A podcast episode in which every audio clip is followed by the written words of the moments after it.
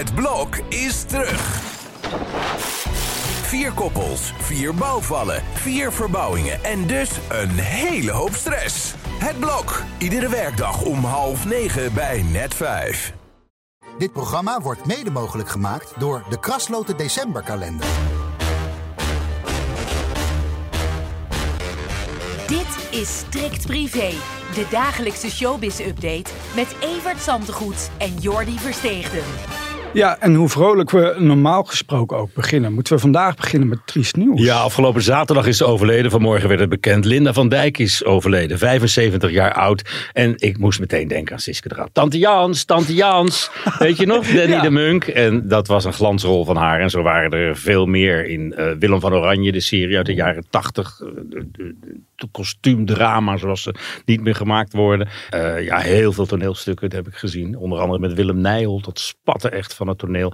Willem Nijholt ook dit jaar overleden. Zo dunt de toneelwereld aardig uit op het moment. Ja. En eh, ja, zij zal zeer worden gemist. Ook als moeder van Jamie Trinité. Op een gegeven moment heb je het zover geschopt dat je nog de moeder van Jamie Trinité bent. Inderdaad. Maar Ja, de hele generaties, die ik zal de naam Linda van Dijk niet onmiddellijk iets zeggen. Maar ja, neem van mij aan, dat was een eh, heel bijzondere, lieve, mooie, prachtige vrouw. Ja. Die haar eh, sporen in de toneelwereld heeft nagelaten. Ze zal worden gemist. Heel veel sterkte aan eh, de familie. Ja, dan is het een gekke overgang naar totaal iets anders. Van, Ja. dit naar, van, van dit naar wat het ook. Maar dat is ook onze podcast. We bespreken alles. Dus ook de comeback, mogelijke comeback van Geer en Goor. Nou ja, dat Ja. is dan natuurlijk, dat zou wel een opvallend nieuws zijn. En eh, toen Gerard gisteren op zijn schreden terugkwam, hij had vorige week vrijdag bij 538 wat onaardige dingen over Gezegd. En hij leek te zijn teruggefloten. Nou, daar kan maar één ding achter zitten. Er wordt gesproken. Nou, dat ontkent RTL, dat Ja. er gesproken wordt op dit moment. Maar ja,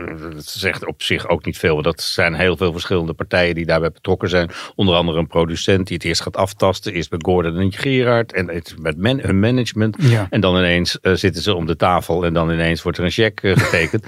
dus eh, ik sluit het nog lang niet uit. En die ontkenning, die nemen we ter kennisgeving aan. Ja. En nog voor volgend jaar om deze tijd al dan niet En Goor samen weer te zien krijgen. Het zou mij niet verbazen, de kans is groot. En Gerard zelf sluit het ook niet langer uit. Er zijn ook mensen die dan meteen willen weten van om wat voor bedragen gaat het dan? Hè? Bespreken we over een miljoen per persoon? Bespreken, eh, waar, waar hebben we het over? Waarvoor zouden ze dit willen doen, denk nou, je? ik schat dat toch wel op 6, 7 ton als ze dat allebei zouden doen. En eh, dat allebei hetzelfde, want anders krijgen ze daar weer ruzie over voordat ze begonnen zijn. Dus dat moet wel heel zorgvuldig gebeuren. En Ja.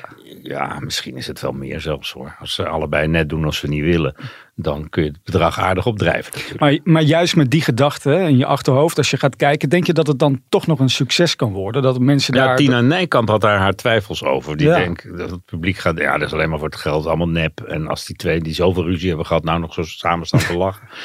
Ja, ik weet het niet. Het, het, het, het kan wel. Het was altijd een enorme chemie tussen die twee. Ja. En ik denk, als ik heb, ben er wel eens bij geweest, dat was op een talpafeest, dat ze elkaar weer in de armen vlogen. En ja, toen, toen ging het toch weer een tijdje goed. Maar je weet nooit voor hoe lang. Als Nee, ze het maar acht afleveringen Maar volhouden. Dat is dan... extra dimensie. Dat Ja, is precies. Spannend. Ik zou met zes beginnen. Nou, op de valreep van 2023 hebben we misschien nog een showbiz-stel dat weer bij elkaar komt. Ja, maar het zal toch niet. Nee, dat hoop je niet, hè, als je weet wat er allemaal gebeurd Heeft is. Jamie nog niet genoeg klappen gehad, zou je kunnen vragen. Als Ja. het waar is dat zij en Little Kleine weer bij elkaar komen. Dat zou mij toch heel erg verbazen na alles wat er is voorgevallen. In en buiten de rechtszaak. En eh, ja, zij zit op Ibiza. Ze lijkt terug te willen komen. Ja, ze daar natuurlijk ook geen moer te doen.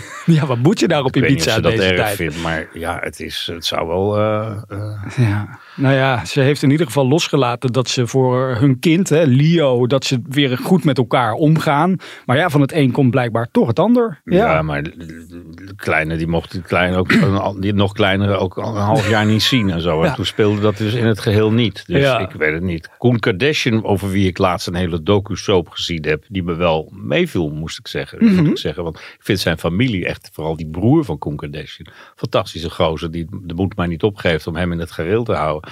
Eh, die heeft met haar gebroken, omdat het zo zou zijn dat ze inderdaad terug is bij, bij eh, Jorik, zoals hij eigenlijk heet, moet je er dan altijd bij zeggen. Ja. Dan, ja, dan lijkt het de, zijne op groen te staan. Maar ook hier geldt voor hoe lang.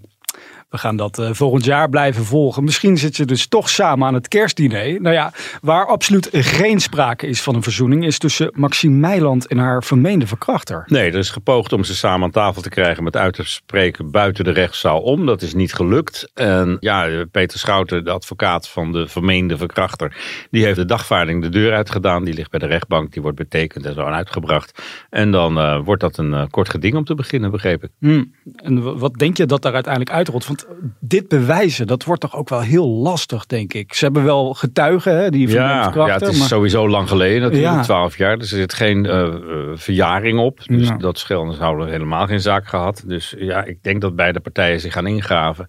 En beide met getuigen zullen komen. Al denk ik dat uh, het, het, zomaar opschrijven zonder hoor en wederhoor niet een al te handige actie geweest is van de schrijver van het boek. Nee, nou in ieder geval ligt het boek nu nog in de winkel. Dus voor de mensen die wel geïnteresseerd zijn in dat verhaal, kunnen dat wel nog lezen, maar wel met gemengde gevoelens. Want misschien is het dus wel gewoon helemaal niet gebeurd. Het lijkt me ook wel een imago-smetje trouwens voor Maxime uh, Meiland. Dit ja, het kan, een, het kan een nasty uh, kwestie ja. worden als, ja. uh, als blijkt dat zij het allemaal verzonnen heeft. We gaan er morgen in het blad nog eventjes op door. En ja, die zaak die, die gaat beginnen dus.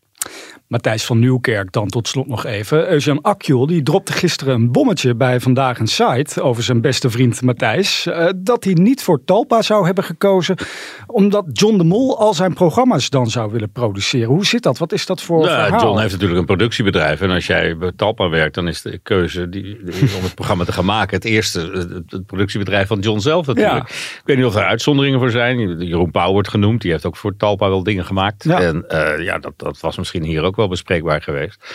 Maar hoe dat gegaan is, dat, eh, dat, dat weten we niet. En dat doet er ook niet meer toe eigenlijk. Want hij zit bij RTL de komende jaren. En ik denk dat hij daar goed zit. Met een mooie deal en de mogelijkheid om zelf dingen te gaan produceren. Dat doet hij dan meestal met Iris van de Ende. De dochter van Joop van de Ende. Met Media Lane. Mm -hmm. ook even tot hier maken. Het programma Chansons kwam ook al uit uh, die koker. Ja. En uh, ja, dat zal hij goed hebben overwogen. En volgens mij had hij op zich SBS wel leuk gevonden. Ja. Met zijn uh, grote diversiteit aan programma's. Maar ja, het is, het is anders gelopen.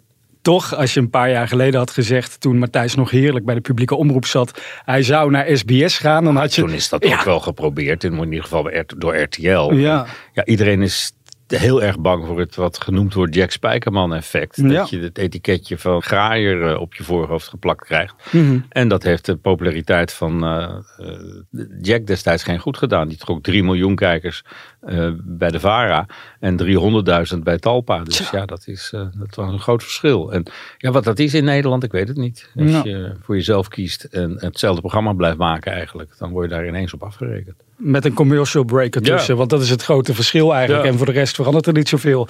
We gaan dat volgend jaar allemaal blijven volgen. Ja, wij zitten in onze laatste week hè, dit, uh, deze week. Dus voor de vakantie, oh. ja zeker. Maar volgend jaar gaan we er natuurlijk weer uh, 250. Zeker, dat maken, is het nieuws wat we al kunnen melden. Exclusief, ja. hè? wij tekenen gewoon ja, weer een nieuw contract ja. hier met 10 pagina's. En om te beginnen zijn we er morgen ook gewoon weer. Nou, tot dan.